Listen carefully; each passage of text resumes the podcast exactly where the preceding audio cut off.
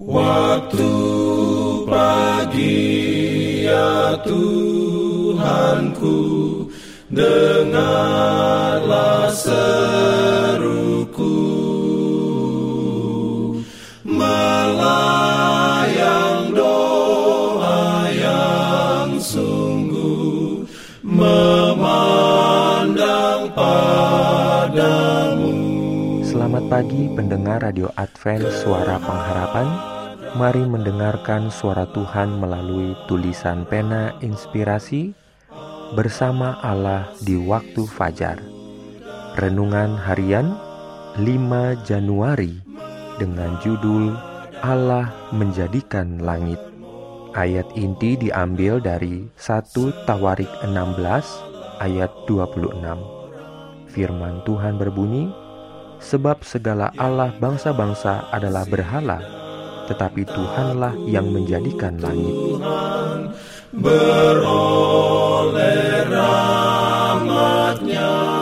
Urayanya sebagai berikut. Matahari yang terbit di langit adalah lambang dari Dia yang adalah kehidupan dan terang dari semua yang Ia ciptakan. Segala kecemerlangan dan keindahan yang menghiasi bumi dan menerangi langit berbicara mengenai Allah. Segala sesuatu bercerita tentang pemeliharaannya yang lembut dan kebapaan, dan tentang kerinduannya untuk membuat anak-anaknya berbahagia. Keperkasaan kuasa yang bekerja melalui segenap alam dan mempertahankan segala sesuatu bukanlah sekedar satu prinsip yang meliputi segalanya, atau suatu tenaga penggerak sebagaimana sebagian ilmuwan kemukakan. Allah itu roh, namun ia adalah satu oknum pribadi karena ia telah menyatakan dirinya. Tetapi Tuhan adalah Allah yang benar. Dia Allah yang hidup dan Raja yang kekal.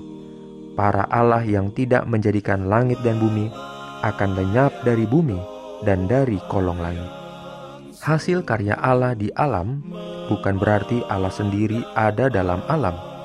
Benda-benda alam adalah ungkapan tabiat dan kuasa Allah. Tetapi kita tidak boleh menganggap bahwa alam itu Allah.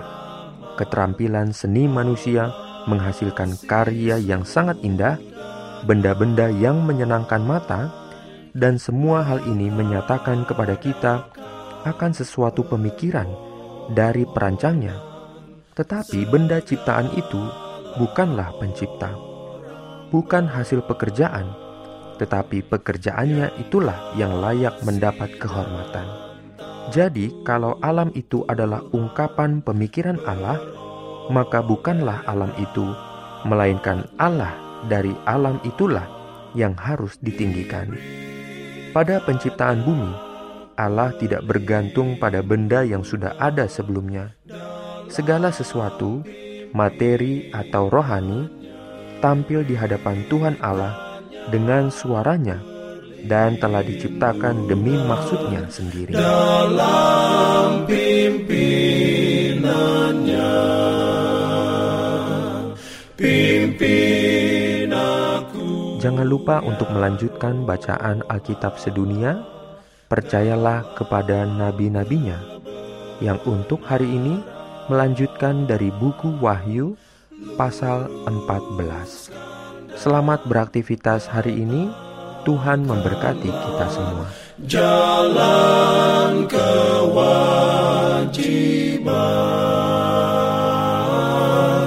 jalan keselamatan.